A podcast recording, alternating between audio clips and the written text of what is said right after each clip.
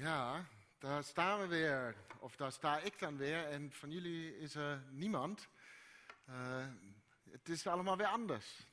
Het is, uh, dat is iets van deze tijd. Het is anders. Er zijn geen mensen in deze zaal. We vieren gewoon kerst hier met z'n, wat zal het zijn, 15, 20 man, van een paar medewerkers. En jullie thuis. En dat is, uh, ja, misschien is het anders, maar het is ook weer niet anders. Want afgelopen jaar deden we dat ook. Dus misschien moeten we elk jaar zo doen. Maar alles is anders. Het is constant anders. Deze tijd zet op de een of andere manier alles op zijn kop. Alles is anders. Uh, corona heeft ons veranderd.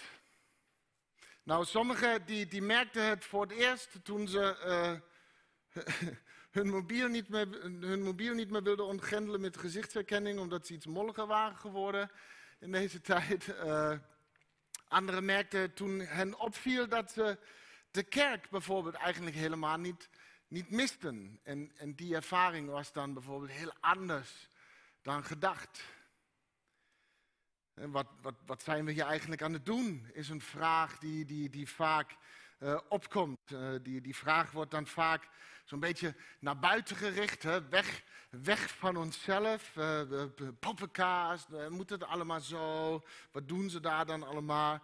Maar weet je, een, een, veel eerlijkere vraag zou zijn: waarom weet ik eigenlijk niet wat we hier aan het doen zijn? Weet je, als we geloven dat datgene wat we hier doen van, van waarde is, wat, wat betekent dat dan voor mij? En, en dat is een veel eerlijkere en, en persoonlijkere en ook confronterende vraag. En daar, daarom misschien ook een, een zelden gestelde vraag. Weet je, steeds meer komen we dus tot ontdekking dat dus niets meer is wat het was. En, en dat we eerlijke vragen moeten stellen aan onszelf. En in de geest van de alles is anders stemming, is er nog iets wat anders blijkt te zijn. Uh, iets wat helemaal niet is wat het altijd was. En dat is het kerstverhaal. Laten we samen lezen. Lucas 2, de versen 1 tot en met 20. Je hebt het gisteravond al gehoord en je hoort het nu nog een keer in een heleboel andere teksten, omdat het kan. Lucas 2, de versen 1 tot en met 20. In die tijd kondigde keizer Augustus een decreet af dat alle inwoners van het Rijk zich moesten laten inschrijven. Deze eerste, ik vind het gewoon grappig, uh, morgen ga ik, uh, we gaan, vanmiddag gaan we naar Duitsland uh, met alle maatregelen in acht nemen. Maar in Duitsland moet je je nu inschrijven als je het land. Nou, dus we hebben ons geregistreerd zoals keizer Augustus dat wilde. En, en, deze eerste volkstelling vond plaats tijdens het bewind van Quirinius over Syrië. En iedereen ging op weg om zich te laten inschrijven, ieder naar de plaats waar hij vandaan kwam. Daar ga ik vanmiddag ook heen. En Jozef ging van de stad Nazareth in Galilea naar Judea, naar de stad van David die Bethlehem heet. Aangezien hij van David afstamde om zich te laten inschrijven samen met Maria, zijn, zijn aanstaande vrouw, die zwanger was. En terwijl ze daar waren, brak de dag van haar bevalling aan en ze bracht een zoon ter wereld, haar eerstgeborene. Ze wikkelde hem in een doek en legde hem in een voederbak, omdat er voor hen geen plaats was in het nachtverblijf van de stad. Niet ver daar vandaan brachten herders de nacht door in het veld en ze hielden de wacht bij hun kudde. En opeens stond er een engel van bij hen en werden ze omgeven door een stralend licht van de Heer, zodat ze hevig schrokken. En de engel zei tegen hen, wees niet bang, want ik kom jullie goed nieuws brengen, dat het hele volk met grote vreugde zal vervullen. Vandaag is in de stad van David jullie redder geboren. Hij is de Messias, de Heer.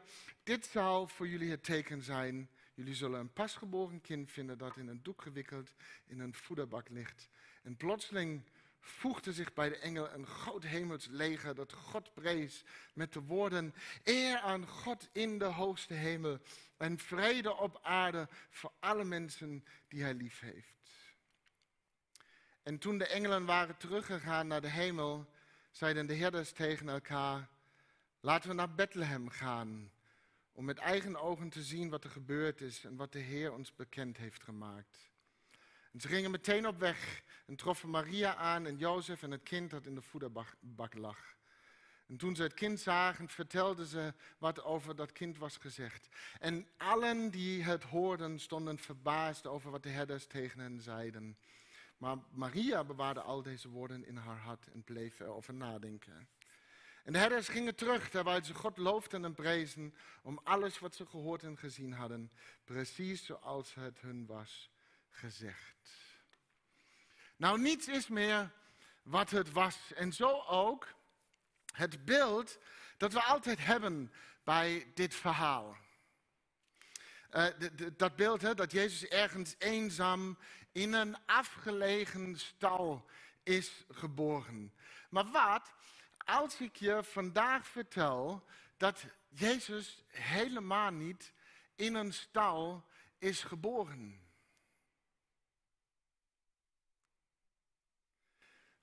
Al die kerststalletjes die je, die je thuis hebt staan, dat zijn fake news. Het is één grote complot van de kerststalletjesindustrie uh, om, om baby Jezus slapende te houden in het schattige stalletje en jou onwetend, zodat je geld blijft uitgeven aan fake news kerststalletjes voor op het dressoir thuis. maar, maar niet theoloog Ian Paul.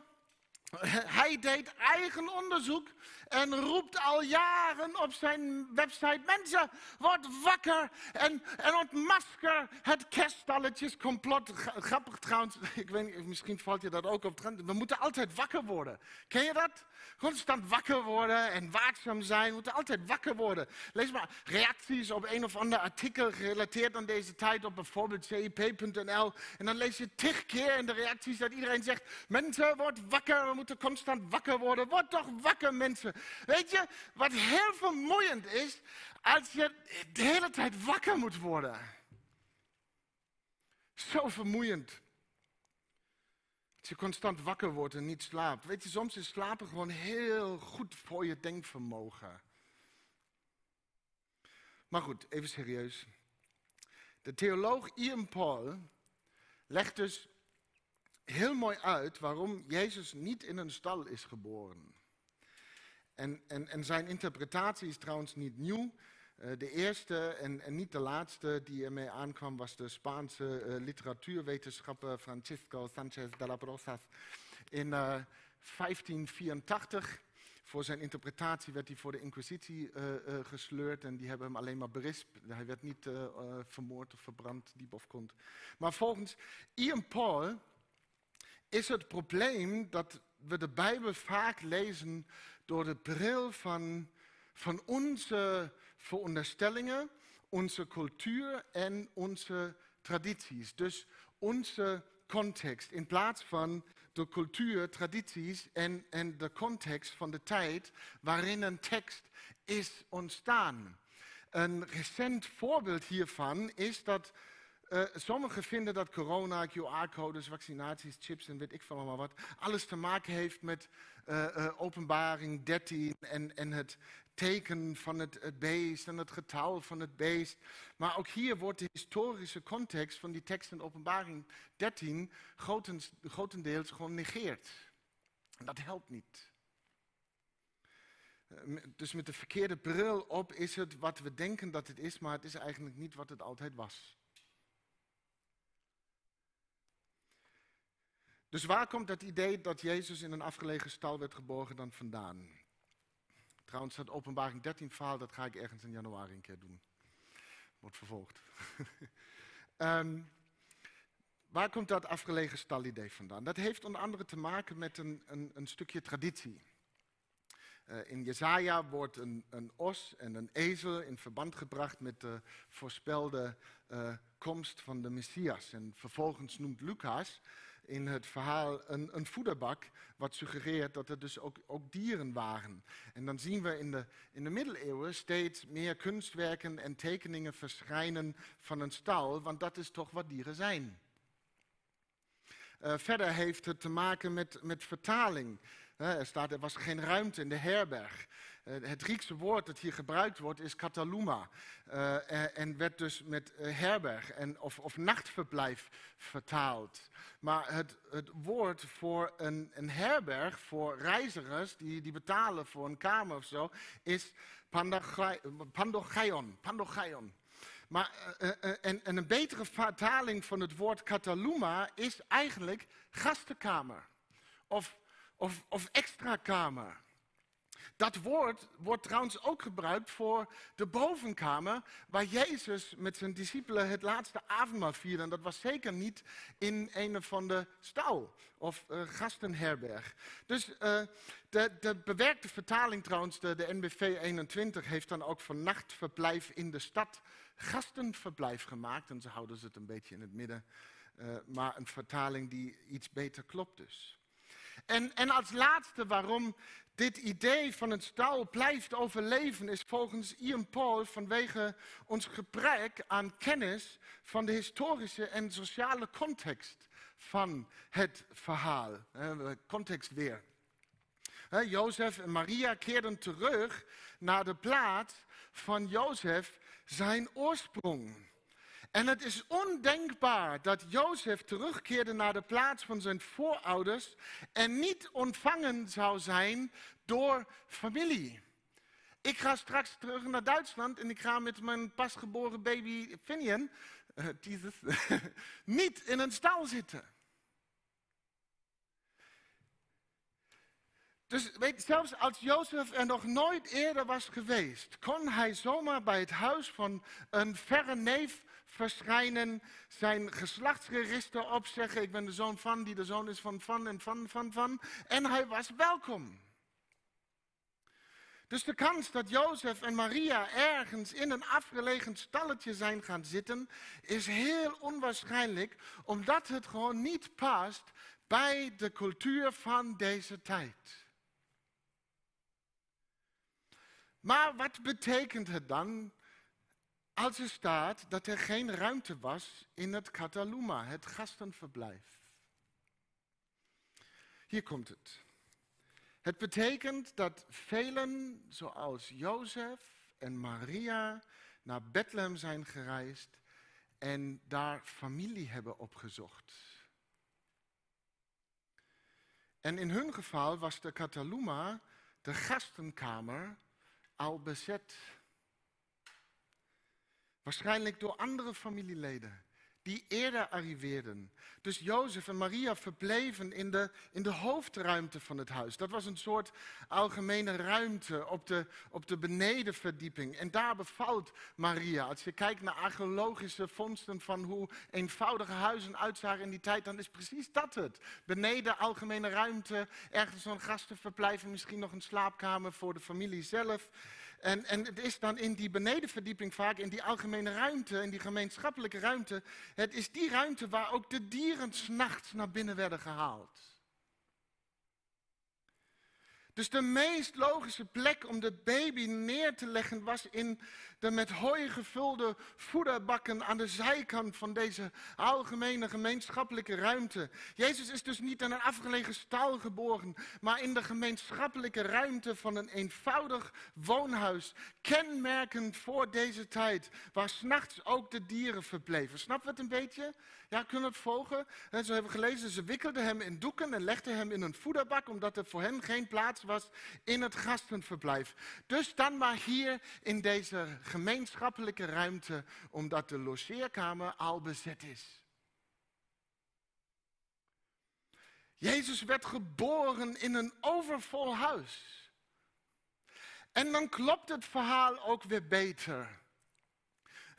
De wijzen die later op bezoek kwamen, kwamen bij een huis, lezen we.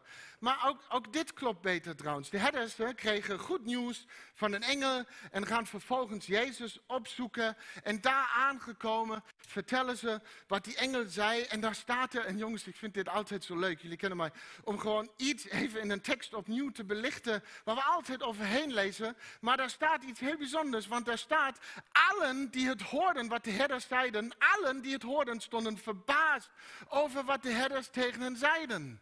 Wie waren allen? Jozef en Maria, nou die wisten het al van hun dromen waar een engel kwam en zei, luister, uh, zoon uh, van God en geboren en gefeliciteerd.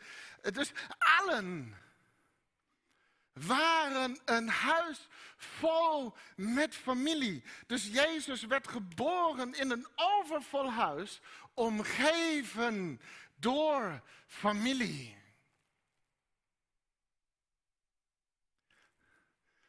Het was altijd een kerstverhaal van een baby Jezus, weggestuurd en eenzaam, ver weg in een stal, die nu vooral ons, ons medelijden nodig heeft. Oh, hoe sneu voor hem. Maar, maar God heeft het voor ons gedaan, hoor. Maar het is dus niet wat het altijd was. Jezus werd geboren te midden van familie en hij vraagt nu al hun aandacht.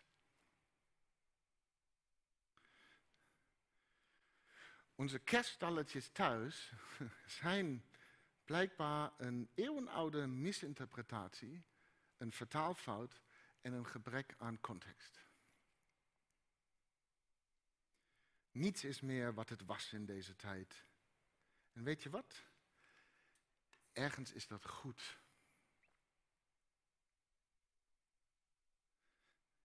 En laat me vertellen waarom ik dat vind. Het is goed dat niets meer is zoals het was. En zo komen we komen in de laatste twee jaar steeds meer kerken erachter dat we ons als kerken um, vaak meer hebben gedragen als een vereniging. En misschien zit jij bij een vereniging. Ik zit bijvoorbeeld bij een watersportvereniging, kun je zien. Dat is alleen maar omdat ik een bootje in een haven heb liggen, maar het, is, het is superleuk. En, en dat is het dus. We zitten in een vereniging omdat we een gezamenlijke hobby of, of, of passie hebben. En dat willen we dan daar in die vereniging op de best mogelijke manier kunnen uitoefenen.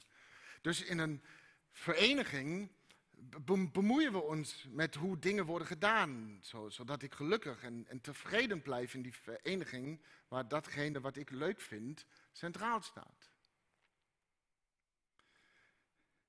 Ik zit daar uiteraard voor mijn plezier. Uh, velen zetten zich veel in voor hun vereniging, hebben taken, omdat die plek, die, die, die club, een, een, een, tweede thuis is geworden. En dat inzetten en dat, dat tweede thuis is dan een soort van de hobby aan zich geworden. De vereniging is een vertrouwde plek die we zo voor onszelf hebben gecreëerd. En als we iets niet leuk vinden of iets stoort ons, omdat het niet gedaan wordt zoals wij graag onze hobby zouden willen uitoefenen, dan, dan zeggen we daar iets van uh, op, de, op de ledenvergadering van die vereniging. En soms zijn er anderen die vinden dat ook en, en, en dan, dan, dan doen we het anders in de vereniging. En zo blijft het plezierig en leuk voor iedereen. En, en veel van dit mooie verenigingsleven werd dus in de laatste decennia ook steeds meer het leven van kerken. En daar komen we nu achter omdat het even minder leuk en plezierig is. Het blijven geloven is even niet zo plezierig. Wat er gebeurt met mijn hobby, het is pittig en, en kost ons wat. De kerk is dus blijkbaar niet meer de eniging die ze ooit was, denken sommigen. De hobby niet meer leuk. En dan haken we af. En, en ik hoor je vragen, wat is daar dan goed aan? Heel simpel, het is goed dat we nu zien wat het was en dat het dat eigenlijk niet zou moeten zijn.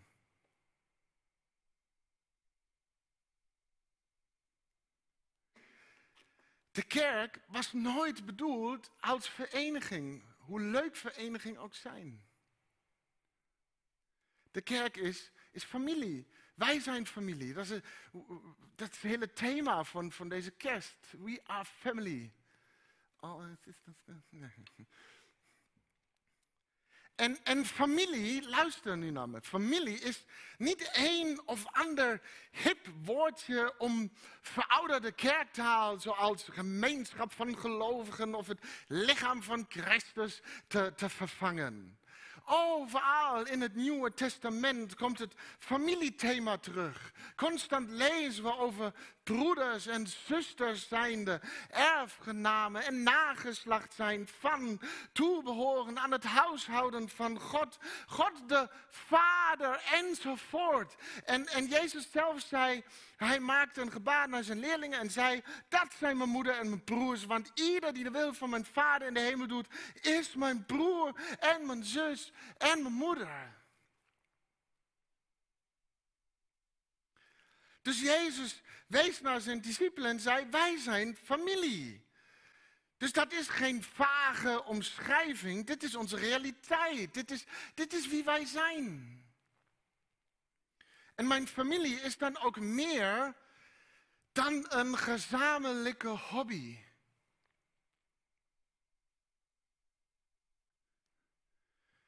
Bijna elf weken geleden, kijk eens, kwam deze kleine man in ons leven. Finian. Ik blijf het altijd zeggen als ik gelegenheid heb. Finian. Niet Finjan of Finian, Finian. Net zoals, ik heb zo'n familie waar iedereen de naam niet kent. Mensen komen ook naar me toe en zeggen, oh, doe ook de groeten aan Laura. zeg ik altijd, hoe, hoe weet jij dat? Zeg maar niks tegen Lara.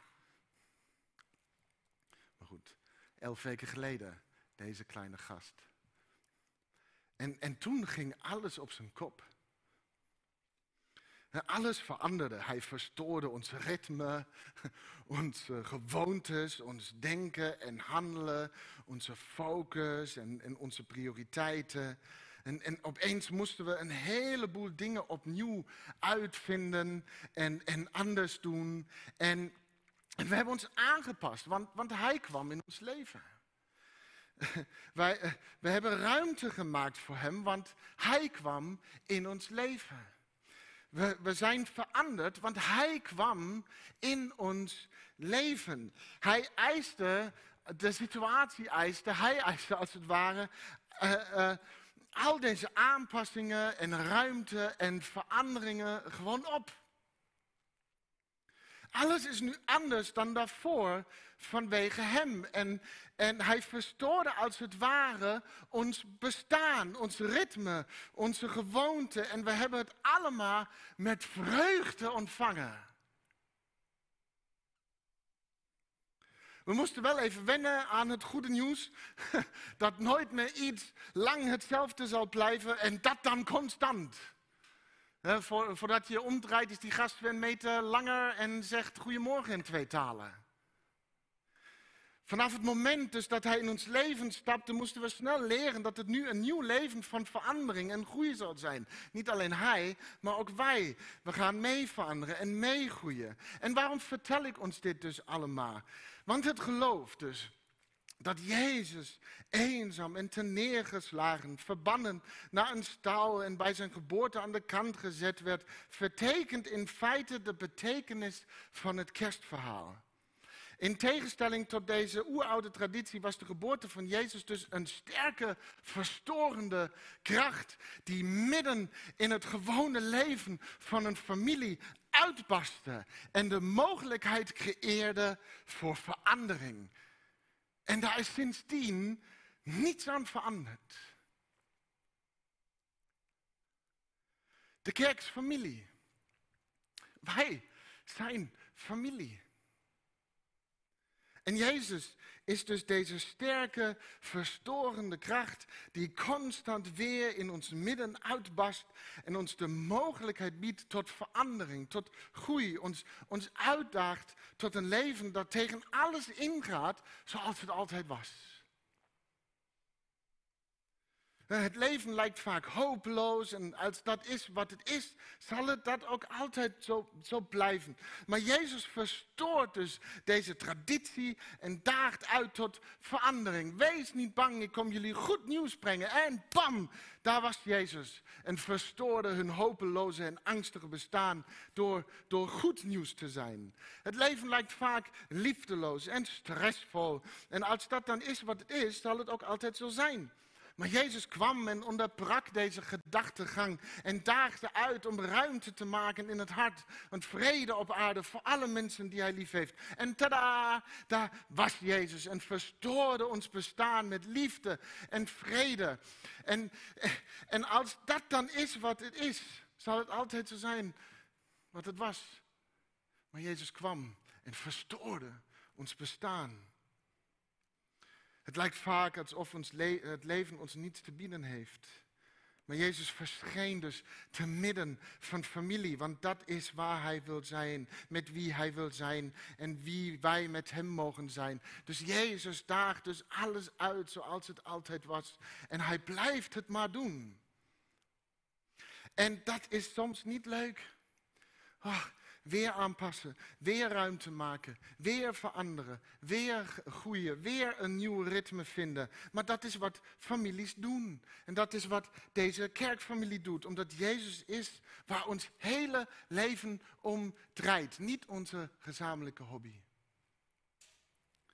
Jezus kwam niet in een stal om zielig gevonden te worden. Jezus kwam niet om een beker te worden in de vitrinekast van de vereniging, terwijl de leuk centraal staat. Jezus kwam niet om in het clubhuis achter de bar te staan, zodat we één keer per week een gezellig babbeltje kunnen maken. Jezus kwam niet om voorzitter te zijn van onze gezamenlijke hobby. Jezus kwam midden in het leven van familie en hij verstoort constant alles. Gelukkig. Niet zal meer constant zijn zoals het was en dat dan constant. En, en, veranderingen zijn soms echt niet leuk. Soms laat Jezus ons gewoon dingen over onszelf zien waar we, waar we niet blij van worden. Maar Jezus zegt dat Hij de weg, de waarheid en het leven is. En, en weet je, laatst een mooie quote gehoord. De waarheid zal je vrijmaken, maar eerst zal het je enorm pissig maken. Soms is het heel confronterend. En dat is wat er gebeurt in families. Soms, soms maken we elkaar gek. Maar, maar, meestal blijven we samen groeien in dit leven met deze goede, verstorende kracht van Jezus aanwezig in ons midden. Dus wij passen ons aan, wij veranderen, wij maken ruimte, want familie is chaotisch. En daarom vind ik uh, het opwekkingslied Familie ook zo raar. hoe, hoe, hoe, hoe mooi en hoe heerlijk als wij als familie, als broers en als zussen om elkaar geven. daar kan ik me nog in vinden. Maar dan zingen we dat we open en eerlijk met elkaar mogen omgaan en vooral de vrede mogen bewaren. En als we dat dan doen, de vrede bewaren, wordt ons het mooiste geschenk gegeven, namelijk Gods zegen. En, en mijn ervaring is dat als een familie open en eerlijk is, het alles behalve vredig is. Open en eerlijk zijn is vaak heel messy. Het is rommelig als we even heel eerlijk met elkaar zijn. Maar dat is hoe families zijn. Het is niet een en al, en zo uh, uh, categoriseer ik dat lied. Het is niet een en al christelijke schattigheid om de vrede te bewaren, zodat we Gods zegen niet mislopen. Familie zijn is soms zwaar, het is chaotisch, het is rommelig, druk en, en confronterend. In, in, in een familie krijgen we niet altijd de keuze van wie we mogen houden. Een familie wordt niet gekenmerkt door soortgelijke hobby's en voorkeuren. Familie wordt niet gekenmerkt door dezelfde standpunten, maar familie is een familie omdat we ooit ervoor hebben gekozen om van elkaar te blijven houden, omdat iets belangrijker is dan de hobby.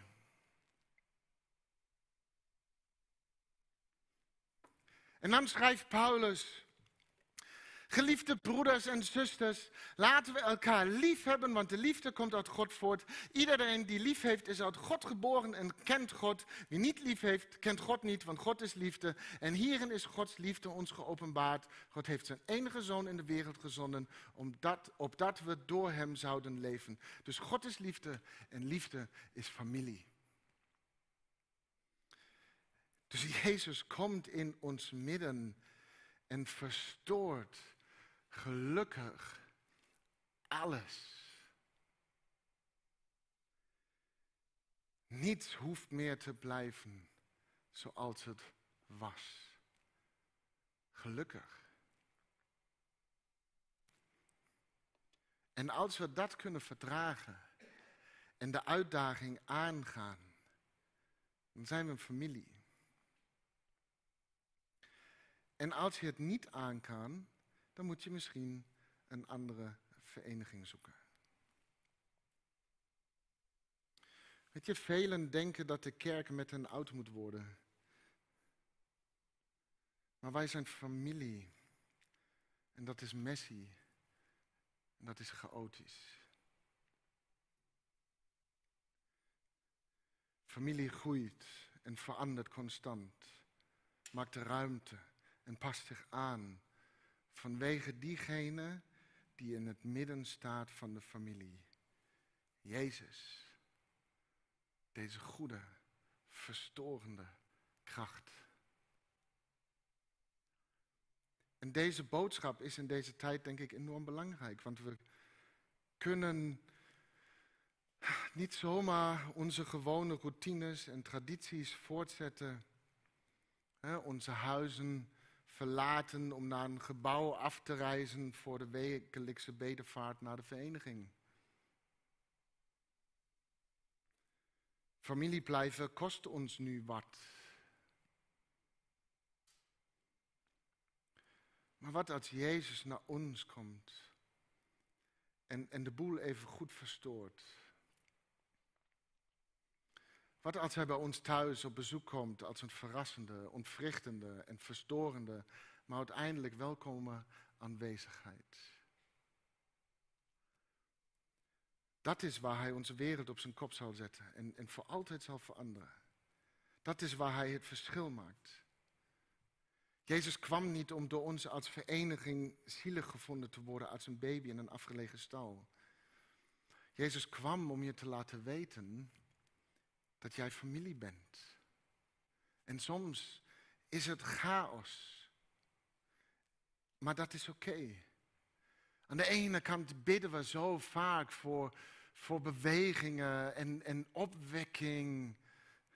En aan de andere kant mag niks veranderen. Maar weet je, wie een beweging van God in deze wereld, een opwekking, wie verandering wil, die moet gewoon met chaos kunnen leven.